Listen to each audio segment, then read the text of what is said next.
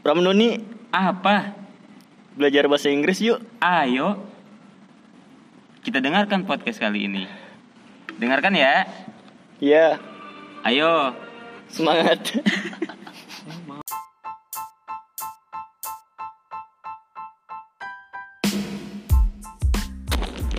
Udah ya.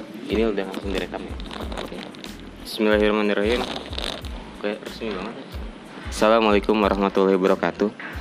Selamat malam. Pada kali ini saya bertemu dengan Kang Rido. Kali ini kita akan bertanya mengenai bagaimana belajar bahasa Inggris dan bagaimana membuat croissant Rosa. yaitu mungkin dari Kang Rido bisa memperkenalkan dirinya terlebih dahulu dari nama pakai bahasa Inggris ya oke let me introduce yourself Uh, hello, my name is Ridwan Ali Badeges. You can call me uh, Rido, Rido, Ridwan, Ali, or Ido.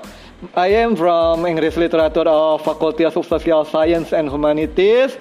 My major is English Literature and my focus is linguistic. I live in Empang, Bogor, which is from Indonesian. I love cooking and teaching and analyzing. Okay, that is from me. Let's start the interview now. oke jadi sahabat Ahrido saya ingin bertanya yang pertama itu bagaimana cara belajar bahasa Inggris Uh, first thing first, if you want to learn English, you have to bentar-bentar bahasa Indonesia aja bahasa Indonesia aja. Ah. Oke. Jadi pertama-tama yang mesti kalian lakukan sebagai seorang yang ingin belajar bahasa Inggris adalah berteman dengan si bahasa itu sendiri.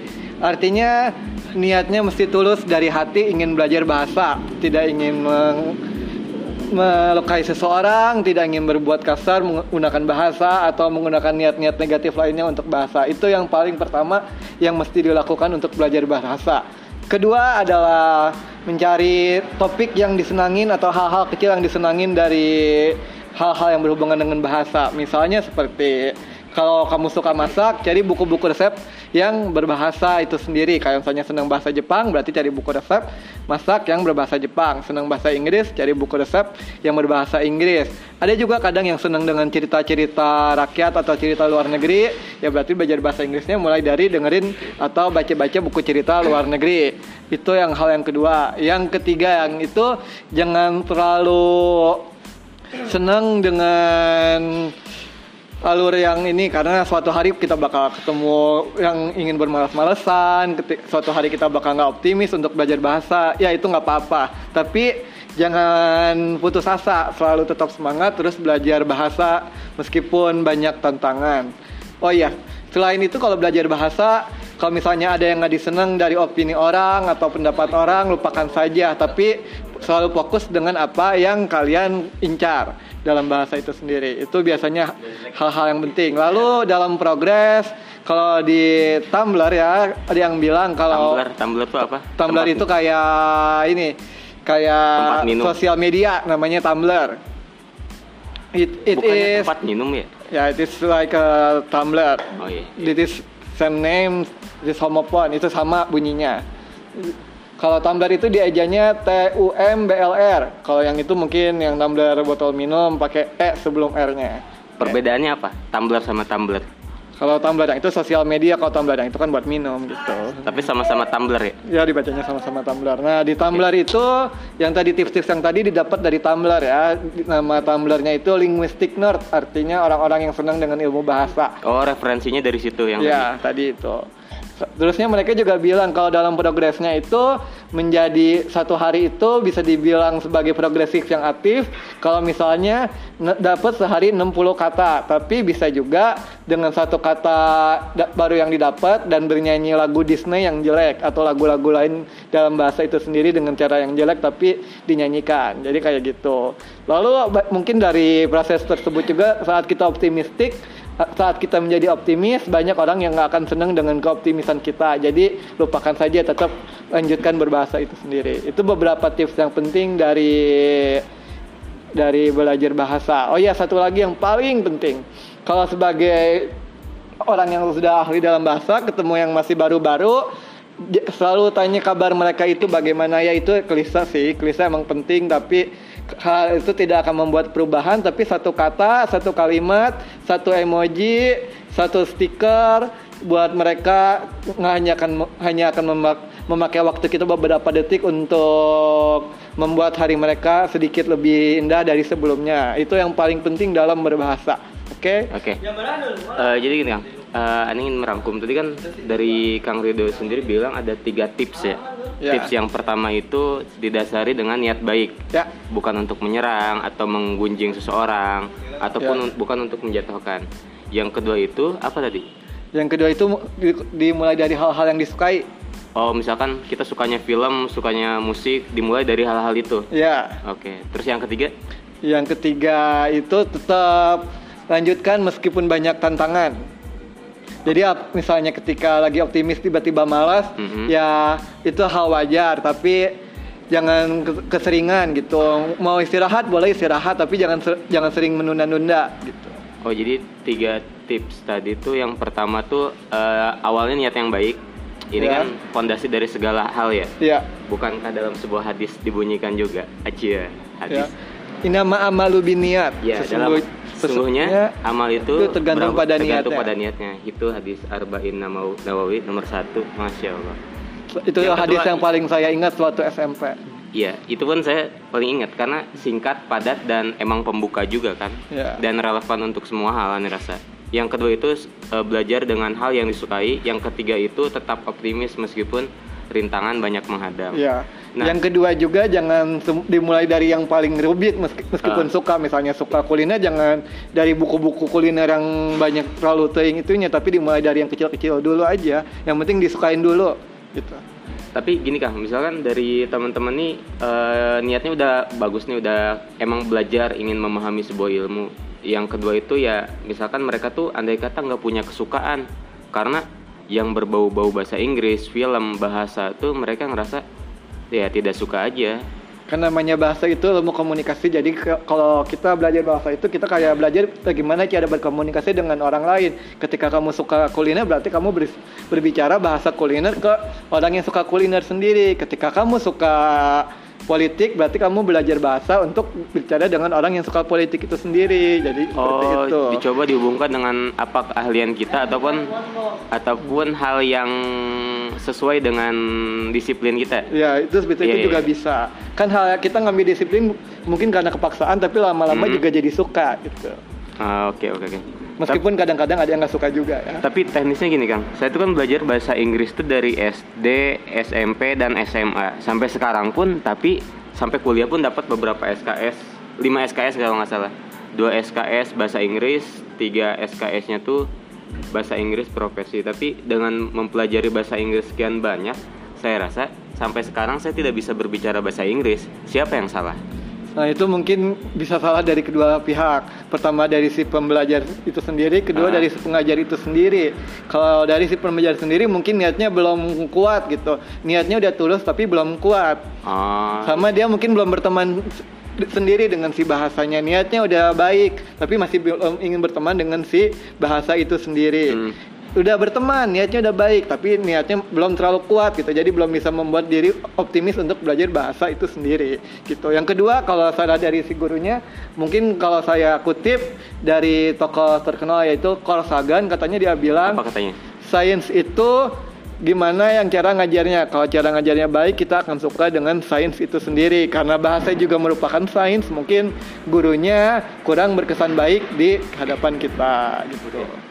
Dan gini ya, maksudnya kan eh, saya sendiri tadi ah Kang Pak bebas ya. Jadi Ya. gini, eh, cara belajar bahasa Inggris untuk orang pelupa, karena kan bahasa Inggris sendiri kebanyakan mengingat kosakata ya nggak sih?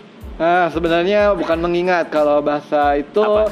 lebih tepatnya kita mengerti bagaimana kosakata itu dipakai setiap harinya gitu. Ya, bukan tapi- hanya mengingat kalau mengingat ya gampang eat, ate, eaten, Penggu- snow, snow, snow kayak seperti itu doang. Tapi Glow, grey, grown. andai kata kalau gini Kang, misalkan eh, kita nih lupa nih misalkan andai kata contoh simpelnya kita lupa arti dari pohon. Pohon itu kan tree, Tree, tree, tree. tree. Itu kan andai kata lupa. Tapi maksudnya kita tuh harus mengingat itu kan maksudnya mau nggak mau untuk menyebut pohon itu tree kita tuh harus ingat si pohon itu tree bagaimana cara gampang mengingat sebuah kata atau sebutnya vocabulary ya vocabulary ya bagaimana cara mengingat vocabulary untuk orang pelupa Eh, saya juga sendiri pelupa tak, tak salah sih ya untuk selalu melihat ke kamus jika lupa. Uh-uh. Saya sendiri kadang kalau nerjemah nggak selalu bisa nerjemah langsung. Kadang saya butuh Google, saya butuh kamus online, saya butuh kamus offline untuk cek-cek kosakatanya, glossaris glossarisnya itu udah benar apa belum seperti itu. Jadi nggak selalu orang ahli bahasa itu bisa hafal satu kamus gitu. Ditanya ini dia langsung inget nggak kayak gitu juga. Jadi ya kalau misalnya buat pelupa nggak masalah untuk lihat kamus. Lagian satu lagi kalau misalnya kita mau ngerti mau jago suatu bahasa itu kita mesti apa yang dibilang dalam kata-kata bijak bahasa Inggris yaitu practice makes perfect artinya sering praktek bisa bisa membuat kita jadi agak sempurna dalam kosakata itu sendiri. latihan membuat sempurna Iya. Oke. prak- sering praktek aja. Oh jadi nggak apa-apa ya kalau kita sering-sering buka kamus ataupun bu- sering-sering buka apps yang translate terjemahan. Ya nggak apa-apa. Nggak selalu orang ahli bahasa pun ngerti apa yang ini. Kadang-kadang juga mereka mesti lihat kamus.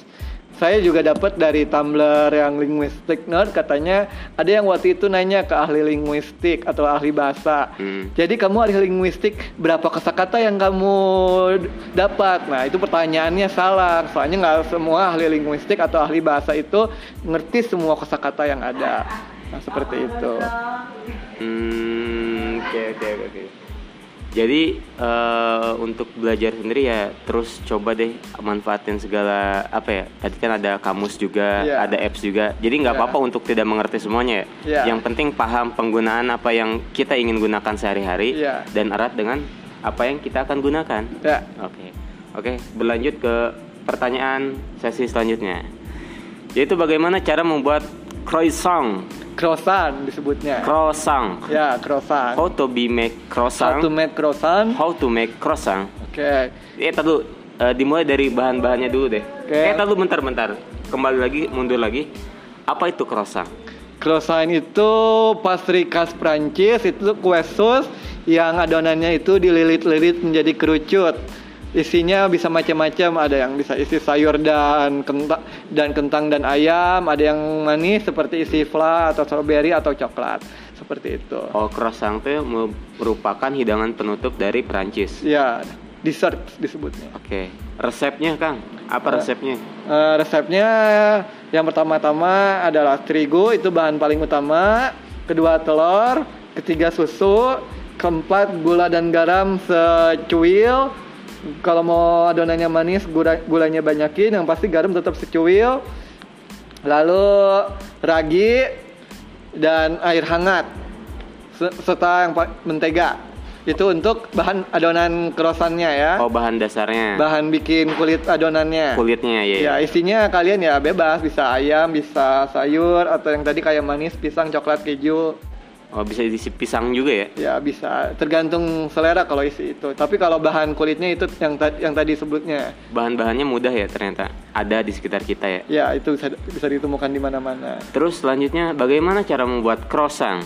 croissant yang pertama-tama itu siapkan air hangat jangan terlalu panas jangan terlalu dingin hangat aja Kenapa harus secukupnya. hangat? Karena buat dicampur dengan gula dan ragi agar airnya itu bisa jadi air ragi. Air ragi itu yang bakal ngembangin si adonan ketika digoreng. Jadi adonannya nggak tipis-tipis amat ketika Oke, digoreng. lanjut.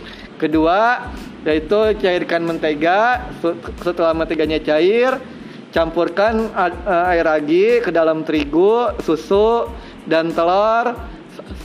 Lalu kocok-kocok, campurkan juga garam dan gula secukupnya. Aduk-aduk sampai menjadi bentuk adonan kayak adonan buat bikin roti. Seperti itu. Oke, setelah itu Setelah itu giling adonannya, ambil secukupnya gitu sebulat misalnya sebola pingpong, udah itu giling sampai adonannya cukup tipis tapi tidak terlalu tipis. Udah itu bagi dua tapi adonannya giling sampai panjang ya, udah panjang bagi dua, setelah bagi dua tinggal diisi lalu digulung-gulung sesuai bentuk croissant yang diinginkan. Oh iya, boleh boleh. Tahap terakhir yaitu digoreng. Setelah digoreng sampai matang. Pokoknya sampai adonannya ngembang, warnanya tidak terlalu coklat kayak tanah, tapi Mhm. agak coklat matang. Sudah itu sajikan. Berarti isiannya bebas ya? Isian bebas. Man, sini man. Mau nanya nggak bagaimana belajar bahasa Inggris atau bagaimana membuat croissant? Ayo, cara Kan menghafal here. kosakata kan udah Nah. hafal nih sehari ah. udah dihafalin hafalin terus kan kita udah jarang belajar bahasa Inggris lagi terus lupa cara ingatnya lagi biar cepet gimana Nah, gini tadi Alma nanya bagaimana cara mengingat kosakata. Eh, padahal Nah. kita tuh udah hafal gitu. Nah, tadi sedikit dibahas juga mungkin sama Arido bisa dijawab bagaimana secara praktisnya untuk mengingat. Ini maksudnya kan kita udah nginget nih kan sayang kalau lupa ya. Bagaimana agar terus mengingat kosakata itu agar tidak lupa? Kosakata kan macam dibagi ber- berdasarkan topiknya. Hmm. Ya karena nggak- kita nggak perlu hafal semua kosakata juga gitu. Kita hafal hafalkan saja yang kita mau sesuai dipakai topik di keseharian. Misalnya kayak di lokasi kita mau nanya lokasi, ya hafalinnya where, across atau between seperti itu. Pokoknya kalau kalian mau nanya lokasi hafalinnya ya preposisi aja kosakatanya. Nggak mesti semuanya, nggak mesti 10.000 kata mesti dihafalin gitu. Menurut penelitian juga menjadi fluent atau ahli dalam bercakap-cakap itu ketika selama enam tahun kita dapat 6.000 kata dan 60 topik. Nah, berarti setahunnya nggak usah diingat semua kosakatanya. Praktek aja di topik yang pak- yang pakai di yang sering dipakai kita sama kita sehari-hari. Insya Allah hari demi hari, bulan demi bulan, tahun demi tahun kita bakal jago. Saya juga dulunya nggak seneng nggak jago bahasa Inggris, tapi karena saya dengerin seneng dengerin musik, terusnya sering nonton-nonton juga ya jadi jago gitu. Saya juga nggak hafal semua kosakata. Ketika saya nggak tahu apa yang dia bilang- apa apa yang teman saya bilang, saya ngecek ke kamus gitu. Itu nggak masalah. Oh, jadi mengingat apa yang perlu diingat aja ya. Misalkan Iya. dengan yang berhubung-hubungan berhubungan dengan apa yang kita pakai keseharian gitu ya. Ya, kayak ini kayak kayak misalnya mau deep talk ya deep talk itu percakapan yang panjang banget ngobrolnya sama orang ya kita mesti hafal topik yang mereka ini mereka ngerti gitu.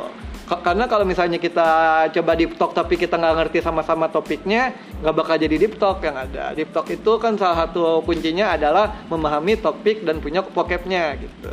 Jadi kalau kita kayak mau baca mau deep talk kayak gini nih di podcast tentang bahasa, mesti ngerti sama-sama bahasa atau setidaknya tahu-tahu lah dikit-dikit tentang bahasa. Jadi yang di wawancaranya bisa panjang. Nggak mungkin kita kamu nanya ke saya tentang bagaimana teknik membangun kota kan saya bukan anak kota. Bukan teknik sipil juga. Iya. Itu kan Alman kalian. Iya, Alman. Oke. Jadi Ah, kalau mau deep talk tentang kot- cara membangun kota yang baik bisa tanya Ah Aman. Kalau mau deep talk kayak podcast kayak gini tentang bahasa, Ah. insya Allah bisa tanya saya atau yang lain yang jago bahasa. Oke, bagaimana Mas Alman terjawab Mas Alman? jawab Oke. dia harus fokus dalam satu topik itu ya kita Nggak usah fokus juga kosakata. gitu. Yang penting kita bisa ngerti di topik apa yang ingin kita bicarakan gitu. Jadi nggak usah semua kosakatanya perlu dipahami. Nggak perlu. Oh mungkin gini gini gak sih maksudnya kita misalkan maksud topik tuh misalkan kita eh, berbicara ngomongin deep talk tentang topik bola. Ya. Nah kita tuh perlu memahami atau mengingat istilah-istilah yang berkaitan dengan bola misalkan handball, Handball. atau yang gitu. Jadi kita perlu mengingat dengan spesifik topik yang diingat itu. dribbling, Dribbling, misalkan tentang Kiper, tentang gitu. motor kita harus tahu bahasa Inggrisnya ban. ya spare part. Ya kita gitu. harus tahu kayak gitu kan. Ya spare part. Oh berarti topik itu memperkaya, mempermudah sih sebetulnya ya. Mempermudah kita untuk mendapatkan Mengingat. vocab. Ya, ya, ya, ya. Oke. Oke, mana ada pertanyaan lagi? yang aneh ingin tahu katanya teknik dalam belajar bahasa Inggris kita harus dalam pikirannya tuh memikirkan sesuatu dengan memakai bahasa Inggris tapi kan kita biasanya pakai bahasa Indonesia gitu dalam pikiran tuh kalau mikir sesuatu jadi agak Kan- sulit jadi caranya bagaimana Bahasa itu sudah terbiasa karena kita sudah tiap hari pakai bahasa itu sendiri. Apa di sini kan kita lagi podcast sendiri kita pakai bahasa Indonesia gitu. Jadi kita sudah terbiasa dengan bahasa Indonesia. Tapi karena sudah sering dilatih kita bahasa Inggris, bahasa Inggrisnya bisa ketika kita ngobrol sama orang lain udah agak terbiasa. Tadi apa aja tiga tips dalam belajar bahasa? Coba sebutkan lagi. Innama a'malu bin niat. Sesungguhnya amal itu berasal dari niat. Ya. Yang kedua itu pelajari dengan sesuatu yang kita linear disiplin ilmu atau yang kita sukai. Ya. Yang Terakhir. ketiga itu adalah saya lupa. Yang ketiga itu yang ketiga kalau FPD sekalian yang ketiga itu Gini. selama prosesnya jika ada rintangan jangan menyerah. itu Selalu never, optimis. never give up, Never give up and give in. never go down. We will not go down in the night without the fight. Ya. You can burn home, mosque, and school. Orang Never mind. Ayo apalagi yang ingin ditanya mumpung masih di podcast bersama mahasiswa biasa ya. Nah, mahasiswa pengangguran. Nah, mahasiswa pengangguran sekarang. Gimana? Ada pertanyaan lagi, Bang? Ya barangkali bingung nih pengen belajar bahasa Inggris gitu. Karena kan menurut aneh ya ketika ditanya nih ada sesuatu yang aneh paling sesalkan ketika saat kuliah yaitu penyesalan aneh aneh tidak mempelajari bahasa Inggris dengan serius. Itu sih penyesalan aneh. Karena bukan lebih kepada ngelamar pekerjaan syaratnya bahasa Inggris tapi lebih kepada ternyata banyak loh ilmu-ilmunya tuh yang berdasar bahasa Inggris penyesalan aneh lebih pada di situ daripada melamar kerja. Sekarang pun jurnal-jurnal ilmu pengetahuan lebih lebih relevan dan lebih enak dibaca itu yang berbahasa Inggris. Ya, setahu saya seperti itu. iya buat yang paham. Ya, yang biasanya yang yang lebih relevan gitu tahun-tahun ini yang terbaru itu rata-rata kebanyakan bahasa Inggris. Meskipun yang Indonesia pun beberapa universitasnya diminta jurnalnya berbahasa Inggris. Setahu saya seperti itu Udah gini deh, motivasi buat teman-teman yang ingin belajar bahasa Inggris tapi ngerasa, aduh, sepertinya saya terlambat. Wah, sepertinya ini bukan waktu yang tepat untuk belajar bahasa Inggris. Motivasi a- dari Mas Rido, waduh, Mas Kang ah dari dari Mas Rido apa Mas Rido untuk kepada kawan-kawan semua. meskipun di kamus ada kata terlambat tapi di kamus saya tidak ada kata terlambat jadi saat usia berapapun masih bisa belajar namanya belajar itu tidak terkekang oleh waktu Tapi terlambat tadi disebutkan sama Mas Rido. ya di kamus ada cuman di kamus saya nggak ada Tapi kan tadi disebut terlambat. Ya pokoknya kalau ingin belajar kapan pun itu bisa asal ada niat, asal ada kemauan dan ya niatnya itu tulus. Oke. Ada lagi man sebelum ditutup man? Satu pertanyaan lagi deh.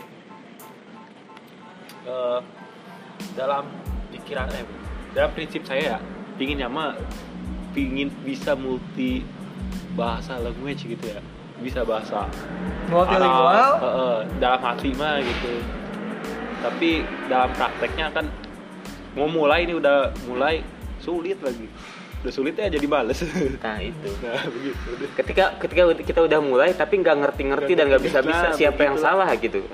Mungkin kita yang salah sih sebenarnya. mungkin niatnya kurang tulus atau kurang kuat seperti yang saya tadi bilang. Dimu- dimulai dari niat niatnya mesti kuat mesti tulus. Plus kita masih berteman dengan si bahasa itu sendiri. Kalau nggak berteman sama si bahasa itu sendiri ya nggak akan bisa.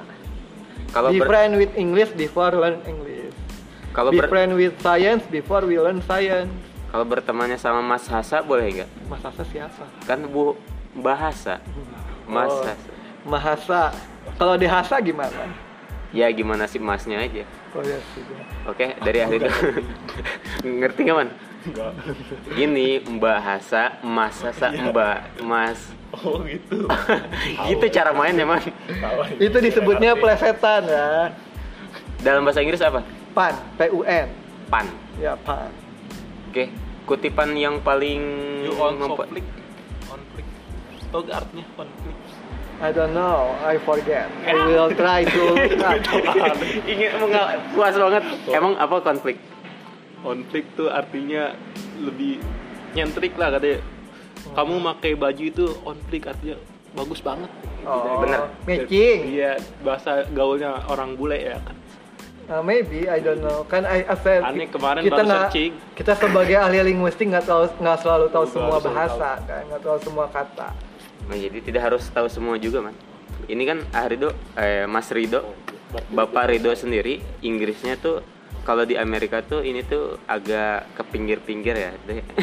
Maksudnya? agak pinggiran deket deket Bronx gitu. Bule-bule. Nah, saya mah bahasa Inggrisnya ngikutin apa yang saya tonton. ya bulenya mana? Bulenya bule mana? Bule lebih, lebih ke Texas dan daerah-daerah sekitarnya sih. oh lebih lebih bahasa Inggrisnya lebih mirip Sandy ya? Ya bisa seperti itu. iya iya iya. Ya agak agak ke krep krepan kan ya. Yes. Ya. Satu kutipan terakhir buat penutup podcast kali ini. Kutipan terakhir dari Arido. Tadi yang saya seperti ulang ya. Apa? Before you learn English or language, be friend with it first. Before you learn science, be friend with it first. Artinya, sebelum mempelajari sesuatu seperti bahasa atau sains, berteman dululah dengan si sains atau bahasa itu sendiri. Oke, penutupan yang sangat baik. Mungkin cukup sekian podcast kali ini. Kita bakal bertemu dengan bintang tamu yang tidak bisa ditebak. Semoga bermanfaat, eh, bisa diterapkan juga untuk memotivasi bahasa Inggrisnya. Mungkin cukup sekian dan terima kasih. Terima kasih. Mirip itu ya, Pak? Apa? Tahu nggak sih? Apa?